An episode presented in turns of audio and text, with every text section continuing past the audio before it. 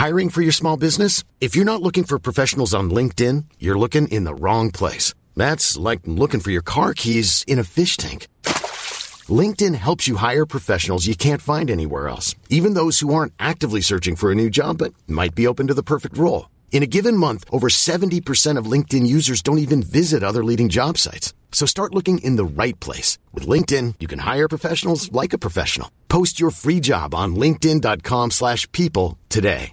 Hey, I'm Ryan Reynolds. Recently, I asked Mint Mobile's legal team if big wireless companies are allowed to raise prices due to inflation. They said yes. And then when I asked if raising prices technically violates those onerous two-year contracts, they said, what the f*** are you talking about, you insane Hollywood ass?"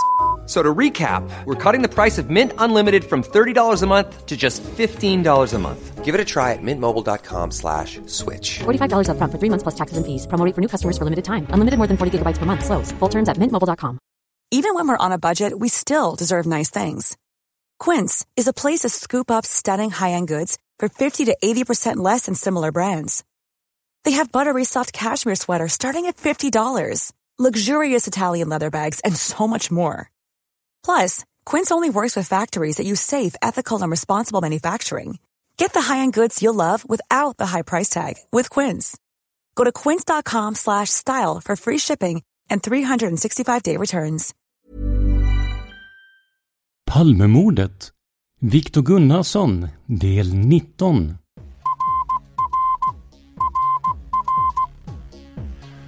Sveriges statsminister Olof Palme är död. 90 000. Ja, det är mord på Sveavägen. Hörde de säger att det är Palme som är skjuten.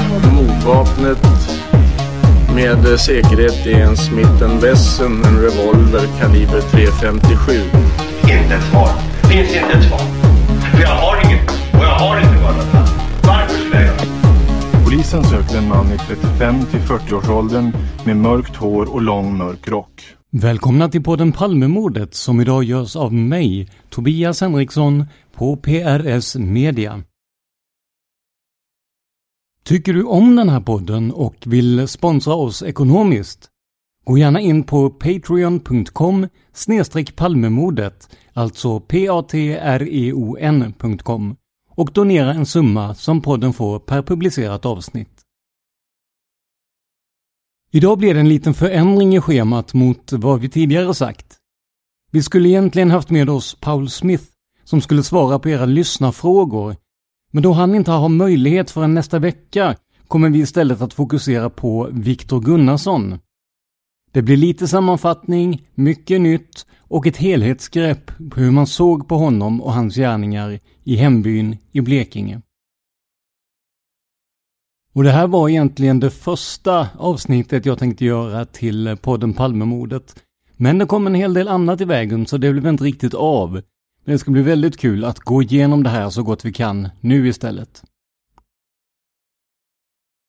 Precis som tidigare så kommer vi inte att säga vad hemorten heter av integritetsskäl. Det skulle då bli lätt för personer att ta kontakt med resten av hans släkt och i och med att de tackat nej till medverkan i podden vill vi respektera det och göra vad vi kan för att de ska få leva i lugn och ro. Av samma anledning kommer vi inte heller att säga namnet på hans föräldrar eller övrig släkt. I östra Blekinge ligger alltså den by där Viktor Gunnarsson växte upp.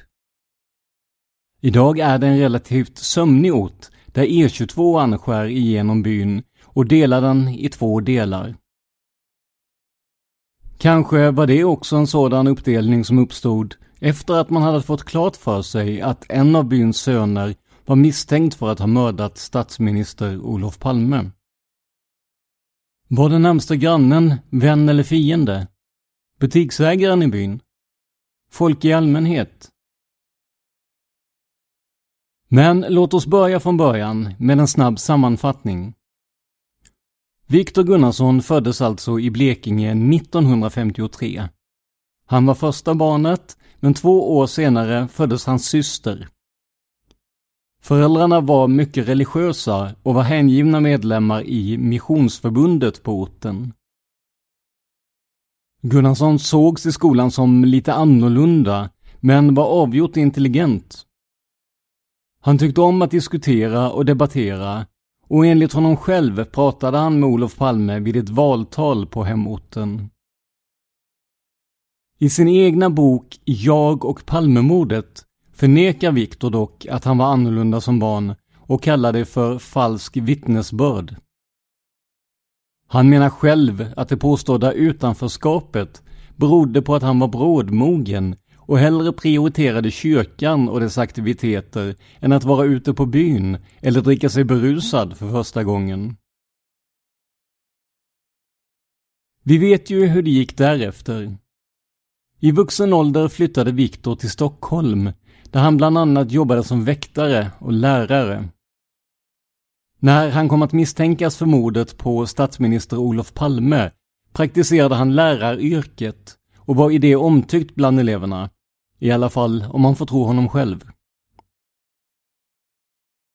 Det som hände kring anhållandet och utredningen har vi gått igenom i detalj i snart 20 avsnitt. Så det kommer vi inte att lägga energi på här. Men vad hände när Viktor sent om sidor släpptes fri?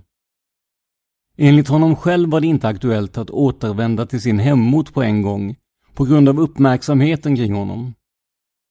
Istället började en resa på västkusten där han bodde inkognito hos olika familjer tills han bedömde att den värsta stormen lagt sig. Men efter ett tag kom ändå Viktor tillbaka till sin hembygd. Så här beskriver han det i sin bok Jag och Palmemordet. Citat. Likt en tjuv om natten hade jag återvänt till min hembygd. Ingen visste att jag kommit hem, förutom den närmaste familjekretsen. Jag var rädd efter alla mordhot och den första tiden höll jag mig inomhus, visade mig aldrig i fönstren utan befann mig mest i mitt gamla pojkrum, den fasta punkten i tillvaron i alla tider. Hit återvände jag alltid från mina resor runt om i världen. Nu såg jag mig som en man på flykt. Ibland tyckte jag att allt sammans var befängt. Vad hade jag att vara rädd för? Jag var oskyldig till det som lagts mig till last. Men så anlände brev med ordalydelser som du skall avrättas på samma sätt som vår älskade statsminister. Även om avsändaren kom från en annan plats var jag osäker på ortsbornas inställning. Hur skulle folk uppträda den dagen jag gick ut på min första promenad i samhället? För att åtminstone få fysisk träning gjorde jag och mamma varje kväll en biltur utanför samhället.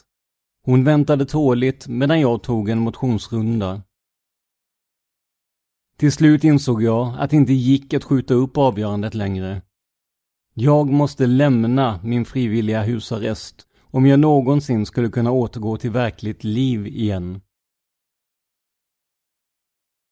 Det var en oerhörd lättnad att i dagsljus öppna dörren, kisa mot aprilsolen och dra in den friska vårluften. Tvekande, som när ett barn tar sina första steg, gick jag från huset ut mot gatan. Jag anade att mina föräldrar stod i fönstret och höll tummarna. Jag flanerade inte direkt, utan höll ett ovanligt högt tempo, trots att jag ansträngde mig att uppträda så normalt som möjligt. Ibland såg jag ansikten skymta bakom gardinerna. I min uppjagade sinnesstämning befarade jag att telefonledningarna gick varma. Det var inte många människor ute den här tiden på dagen. En del som jag mötte besvarade min hälsning lite undvikande. Några bara blängde snett och låtsades inte se mig. Blängandet kom jag att uppleva som svårast de närmaste dagarna. En passiv mobbing. Ännu värre blev det senare när jag besökte Karlskrona. Hur gick det? undrade mina föräldrar ängsligt då jag återvände efter premiärpromenaden. Ingen fara, lugnade jag överdrivet. Snart blir allt som vanligt igen. Det skrivs fortfarande mycket i tidningarna. Kommentarboken gavs ut 1988, slutkommentar. Men jag kände inte igen min person på beskrivningarna i artiklarna. Jag utmålades med nästan omänskliga drag.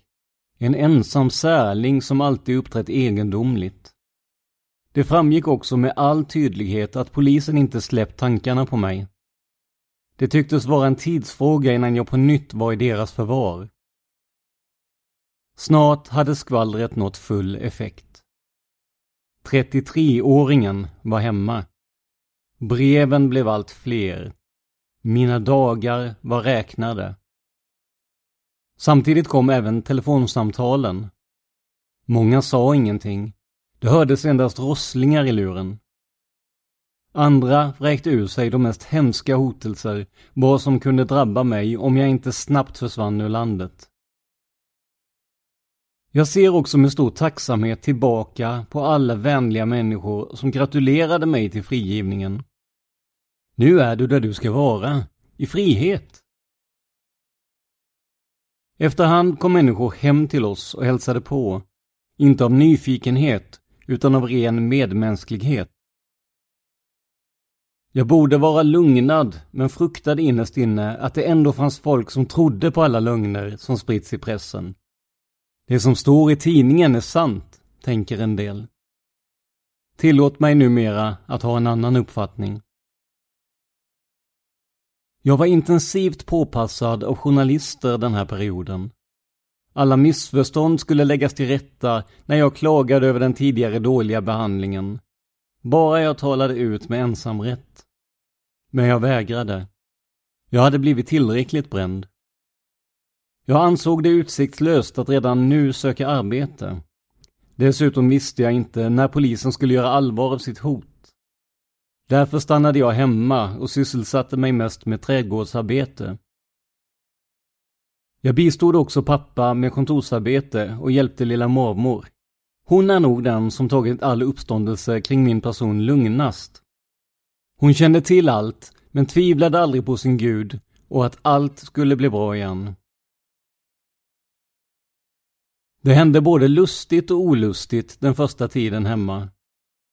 Paret som äger samhällets Q8-station och som jag kände väl kunde friskt skoja med mig. Tack ska du ha för all extra förtjänst som du åstadkommit. Vi har aldrig sålt så mycket tidningar som när du satt inne. Det kunde jag skratta åt. En annan händelse tog det lång tid att komma över. Jag hade varit på besök hos en god vän och vi hade haft trevligt som i gamla dagar. Då jag skulle gå från huset tänkte jag hälsa på fadern. Han kom mig till mötes och jag sträckte fram handen med ett leende. Mannen ställde sig i dörröppningen. Vi vill inte ha sådana som dig här. Det hatiska tonfallet tog mig hårt. Jag hade visserligen hört bekanta säga att en del i samhället fortfarande tvivlade och undrade om det ändå inte var jag. Här fick jag misstankarna kastade direkt i ansiktet. Det kändes mycket bittert. Efteråt har mannen tydligen ångrat sig. Numera hälsar han tillbaka när jag vinkar. Men taggen i mitt hjärta finns kvar. Jag hade kontakt med Gunnar Falk och han förberedde mig på nya förhör och konfrontationer. Samtidigt som han lugnade mig att det inte var något att oroa sig för. Ingenting nytt hade framkommit som förändrade min sak. Från polisen hördes ingenting officiellt. Men en spanare ringde en kväll och jag anade att det var i egenskap av privatperson. Hur är det med dig? Jag har tänkt på dig en hel del. Du är väl inte knäckt efter allt som du har fått uppleva? Han kanske var en i raden av omdömesgilla poliser som insett att jag inte var mördaren. Knäckt var jag inte, men behandlingen i polishuset hade inte gått spårlöst förbi. En rädsla för repressalier och förföljelse fanns också. Varje hotfullt brev, varje mystiskt telefonsamtal bevisade att det fanns människor som ansåg att jag borde skjutas. Slutcitat Jag och Palmemordet. Någon månad senare var det dags att åka upp till Stockholm igen för fler förhör och konfrontationer. Mer om dessa kan ni höra i tidigare avsnitt. När de är över anar vi för första gången en uppgivenhet hos Viktor. Och han skriver det som säkert många tycker. Och vi citerar återigen Jag och Palmemordet. Efter sista förhören kördes bilen fram och den långa resan mot Blekinge började. För den här gången. Vi kanske måste höra dig flera gånger, var en avskedsreplik. Vi har inte hunnit med alla konfrontationerna. Hur länge skulle Holmer få fortsätta leka, tänkte jag i bilen hem. Naturligtvis kunde jag protestera och bråka, men det gagnade knappast min sak. Allmänheten kunde ges intrycket att jag hade något på mitt samvete. Och jag tänkte inte ge honom triumfen att på en presskonferens i TV meddela att jag vägrade ställa upp. Nyheten hade spritts hemma var jag varit. Även om alla skriverierna kunde ge intryck av att jag ännu var misstänkt hade stämningen svängt totalt. Jag tror inte en enda i samhället betraktade mig som skyldig, utan alla uppträdde mycket positivt mot mig. Den här gången behövde jag inte heller gömma mig en vecka innan jag vågade gå ut. Redan dagen efter hemkomsten träffade jag bekanta och berättade om Stockholmsresan. Det var med en enveten rackare den där Holmes, sa en gammal ortsbo när vi talades vid. Kan du inte säga åt honom att fråga folk i allmänhet och han får veta att du aldrig haft fuffens för dig? Jag hade gärna sagt åt den där Holmes, om jag bara får tillfälle att träffa honom. Allt verkade gå mot det normala, utåt. Men vågade jag blicka framåt? Hade jag någon framtid, eller var mitt liv redan krossat?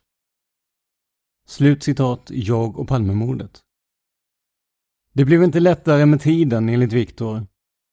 Här berättar han om hur det var att göra något så enkelt som att gå på restaurang nära sin hemstad. Och även det här är ett citat från boken Jag och Palmemordet. Jag kom iväg till slut och tänkte koppla av helt. Långt från förhör och konfrontationer och Hans Holmér. Ganska snart blev jag dock medveten om det liv som väntade mig i framtiden. Det hände ett par gånger att turistande svenskar kom fram och började prata. Är inte du en kändis? Tycker att jag känner igen ditt ansikte. Eh, vad kan vi ha sett förut? Jag låtsades vara en spanjor som bott i Sverige. På bruten svenska förklarade jag att det måste vara ett missförstånd. Jag ville inte bli identifierad som Palmes mördare. Efter några veckor återvände jag hem och till mitt pojkrum. Detta fick bli min uppehållsort tills vidare. Till Norsborg och Stockholm ville, eller vågade, jag inte återvända. Jag hade talat med några av mina tidigare grannar och de hade varnat. Vi har hört många som hotat spöa dig om du visar dig här. Vad skulle jag göra? Det blev en sommar av arbete i trädgården och på pappas kontor. Jag hade ingen anledning att gömma mig. Chefsåklagaren hade klart och tydligt skrivit att jag var avförd från utredningen. För att anpassa mig till ett socialt liv for jag till grannstäderna och roade mig. Många av mina bekanta uppträdde som om ingenting hade hänt. En del gratulerade mig till att ha klarat polisens bombardemang så bra.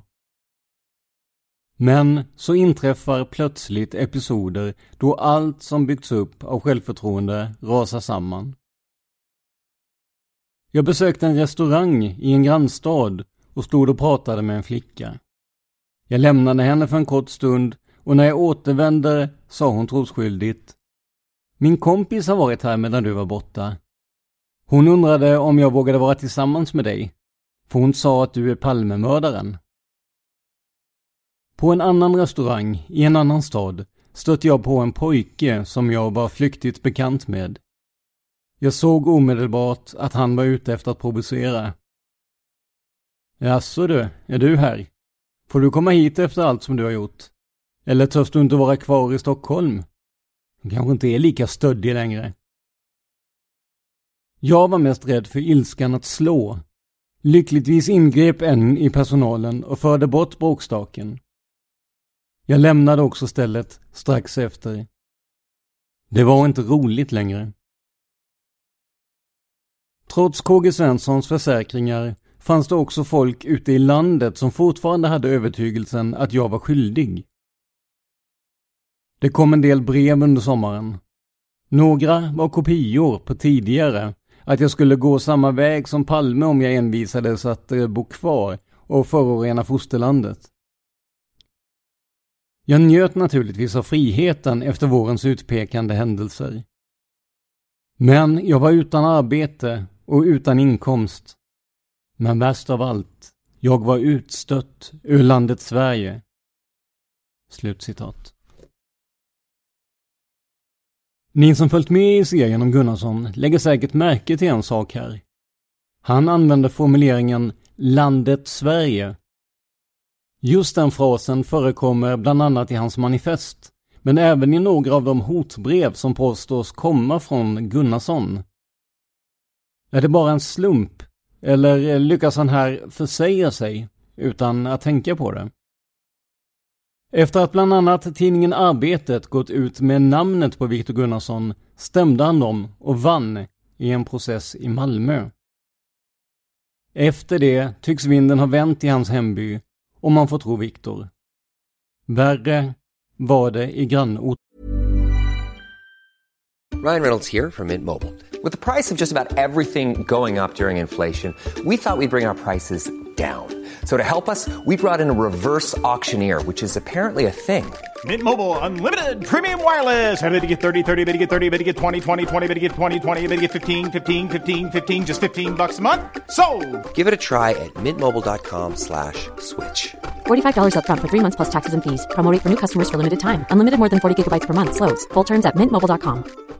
If you're looking for plump lips that last, you need to know about Juvederm lip fillers. With Juvederm Volbella XC and Juvederm Ultra XC, your lip look, whether it's subtle or bold, can last up to one full year with optimal treatment and no additional maintenance. Find a licensed specialist and see if it's right for you at juvederm.com today. That's J U V E D E R M.com. Add fullness to lips in adults over 21 with Juvederm Volbella XC or Juvederm Ultra XC. Do not use if you have severe allergies or a history of severe allergic reactions, or if you're allergic to lidocaine or the proteins used in Juvederm. Tell your doctor if you have a history of scarring or taking medicines that decrease the body's immune response or that can prolong bleeding. Common side effects include injection site redness, swelling, pain, tenderness, firmness, lumps, bumps, bruising, discoloration, or itching. As with all fillers, there's a rare risk of unintentional injection into a blood vessel, which can cause vision abnormalities, blindness, stroke, temporary scabs, or scarring. For full important safety information, visit juvederm.com. This is Paige, the co-host of Giggly Squad, and I want to tell you about a company that I've been loving, Olive and June. Olive and June gives you everything that you need for a salon quality manicure in one box. And if you break it down, it really comes out to $2 a manicure, which is absolutely insane. It's also so easy to get salon worthy nails at home with Olive and June. The difference between how your nails used to look when you did them yourself and now with the Manny system is a complete game changer. The best thing about Olive and June too is it's a quick dry, dries in about one minute, lasts for five days, and full coverage in up to one to two coats. Visit oliveandjune.com slash perfect Manny 20 for 20% off your first system. That's oliveandjune.com slash perfect Manny 20 for 20% off your first system.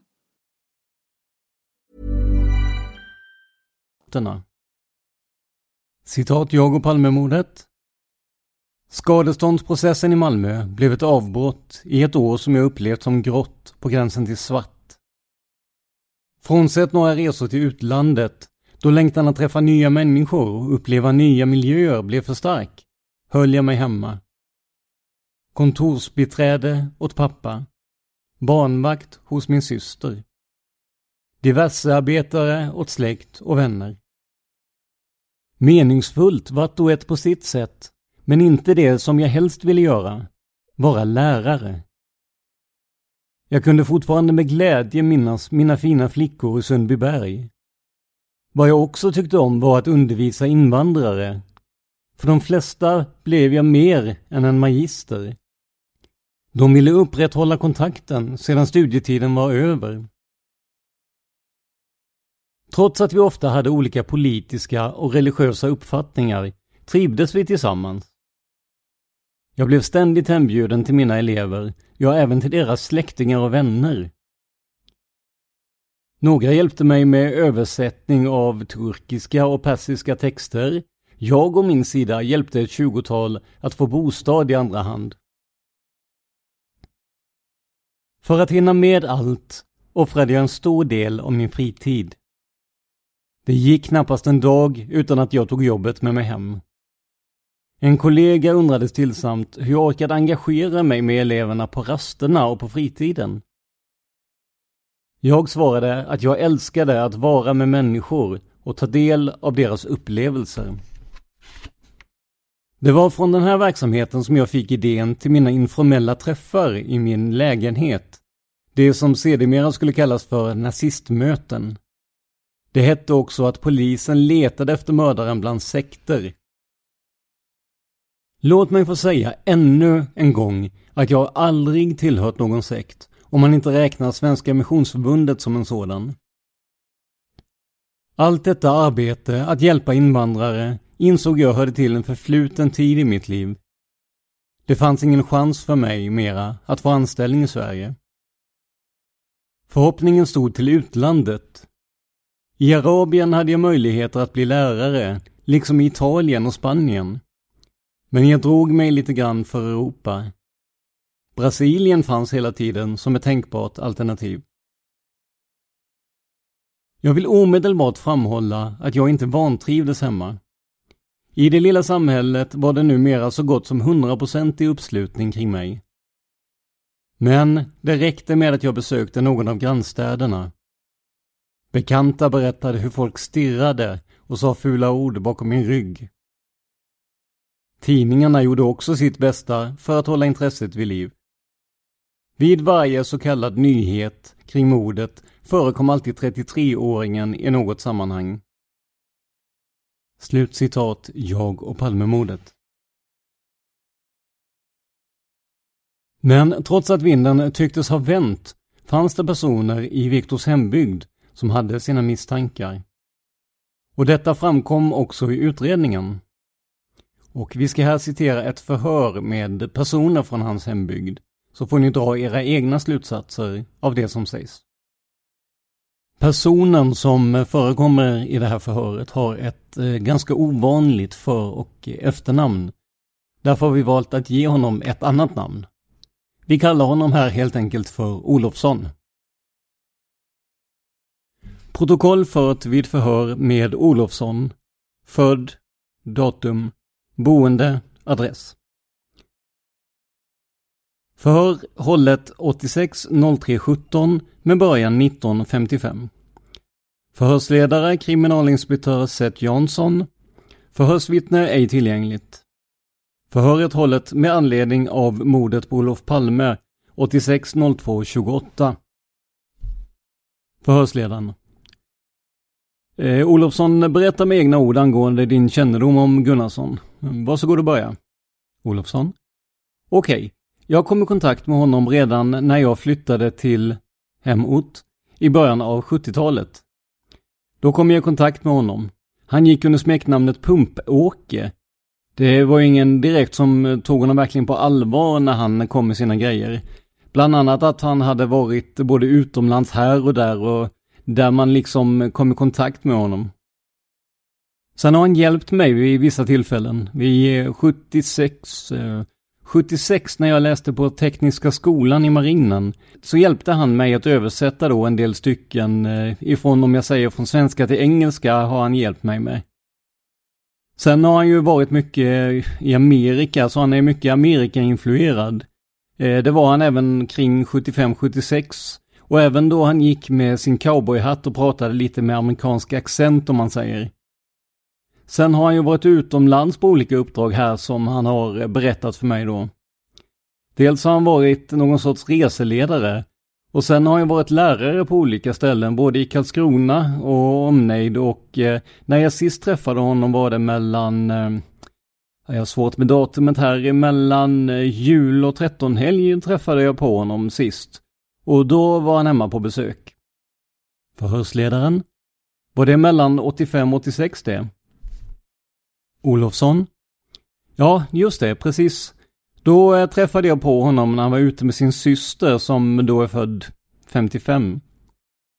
Det var när jag var ute med min dotter och i en liten backe vid väg. Eh, och då åkte vi lite pulka och sådant och då började vi prata om ditt och datt. Lite Frågade vad han hade för sig nu, frågade honom, eh, är du i Amerika fortfarande? För jag har inte sett dig på länge då och då. Då sa han att han bodde i Stockholm. Då kom vi in på både det ena och det andra. Då sa han att han, eh, jag frågade vad han gjorde där uppe. Då sa han att han var lärare vid tillfället bland annat och eh, sen så berättade han då att han hade jobbat för ett vaktbolag. Det nämnde han och då sa jag till honom eh, det att eh, där får du väl bära vapen. För jag visste att han hade sån där vapenfri tjänst. Då började han nämna då om pistoler och allt möjligt kom in på då. För han vet att jag sköt lite, bland annat eh, hemma vid och så. För han var hemma rätt ofta ett tag, då när han hjälpte mig att översätta. För han hade lite gott öga till min syster då. Men det var bara gott öga, för, för det hade han till de flesta flickorna om man säger. Men det var ingen av flickorna som tog honom på allvar direkt. Då kom vi in att prata om både vapen och annat och då sa jag, vi har odugliga vapen här. Jag hade ju tjänstepistolen, 07, den är precis kass då. Då började han berätta om amerikanska pistoler. Då hade ju den och den typen av pistol då va. Så berättade han att han hade en pistol, men det trodde jag inte. För, för det tror jag inte riktigt på, sa jag.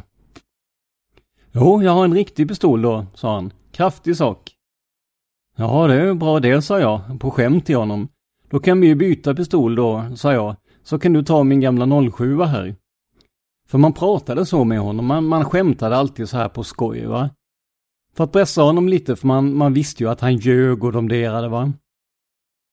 Så man tog honom inte på allvar. Det är ingen som tar honom på allvar om man säger i hemort med omnejd. Då sa han det, jo jag har en riktig pistol. Ja, då kan vi väl ta och övningsskjuta då med, med den så kan jag få prova åtminstone, sa jag. Ah, sa han. Jag har den inte här, jag har den uppe i Stockholm då. Du bara skojar då, Jag bara grinar han åt mig då va.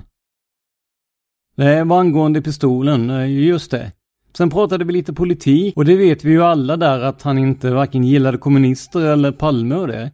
Det är vad som står i tidningar. Det kom in på en liten bild så han sa att eh, han var och tittade då i riksdagen och kollade debatter och lite sådana här grejer.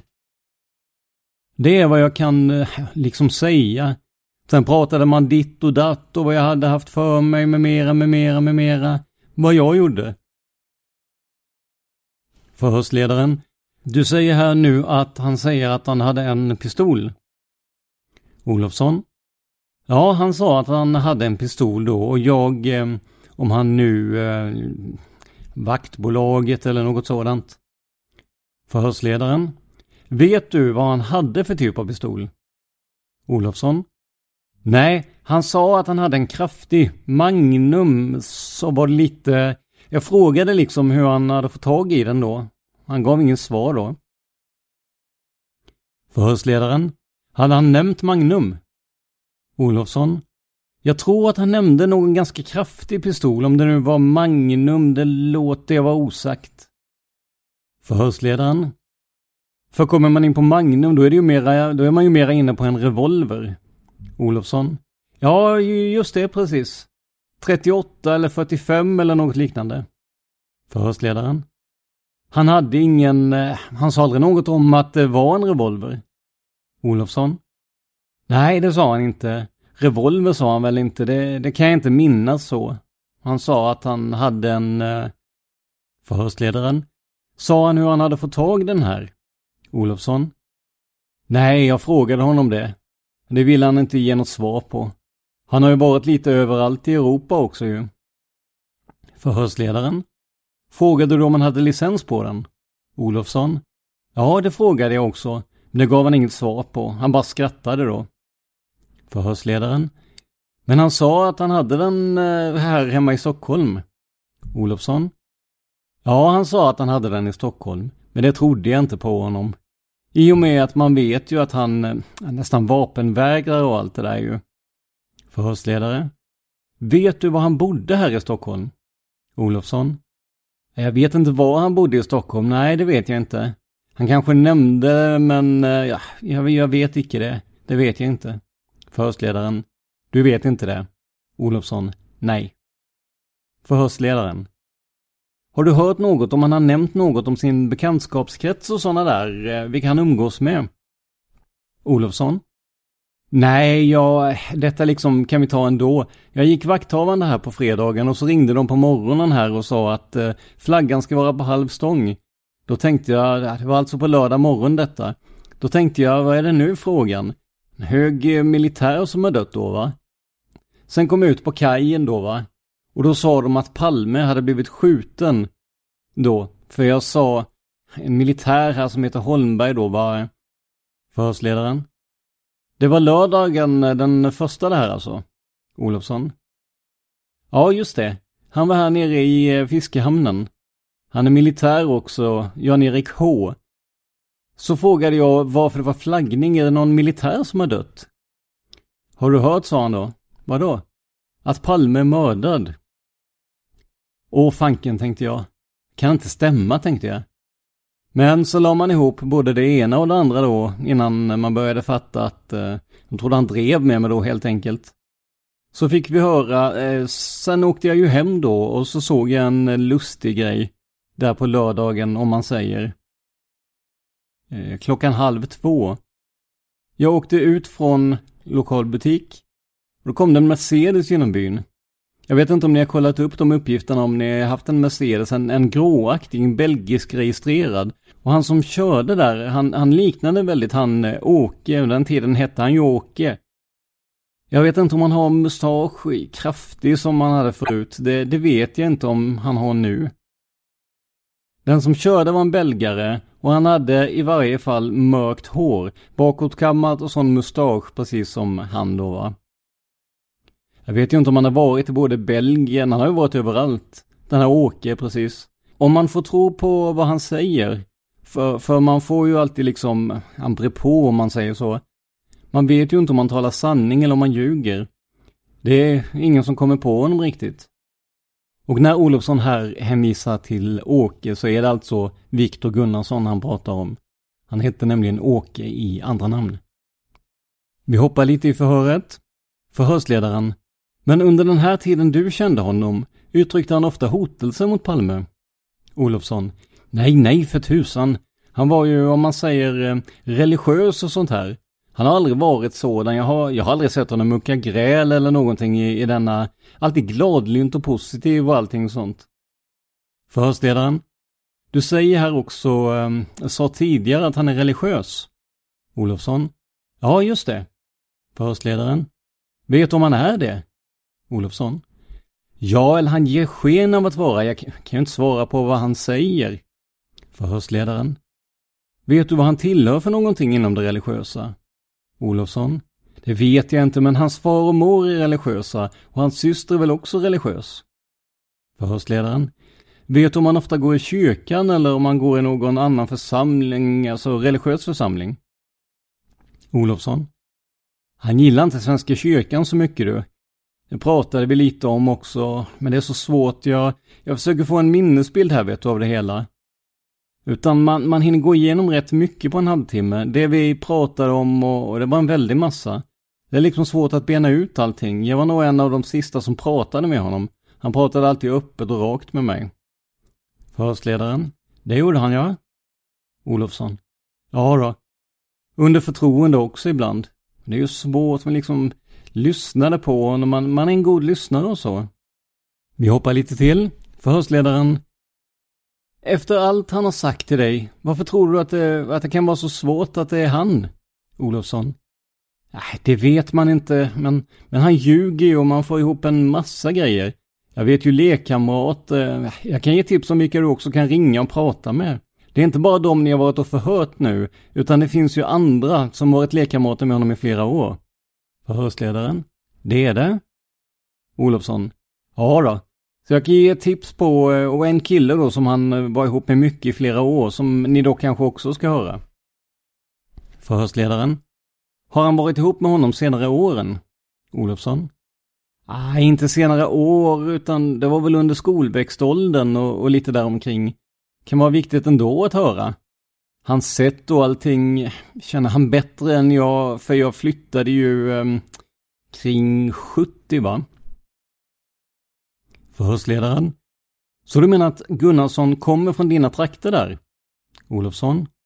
Han kommer från mina, ja visst, bor ju precis, hans föräldrar bor ju i hemort ju. Förhörsledaren. Hans föräldrar bor granne med dig eller? Olofsson.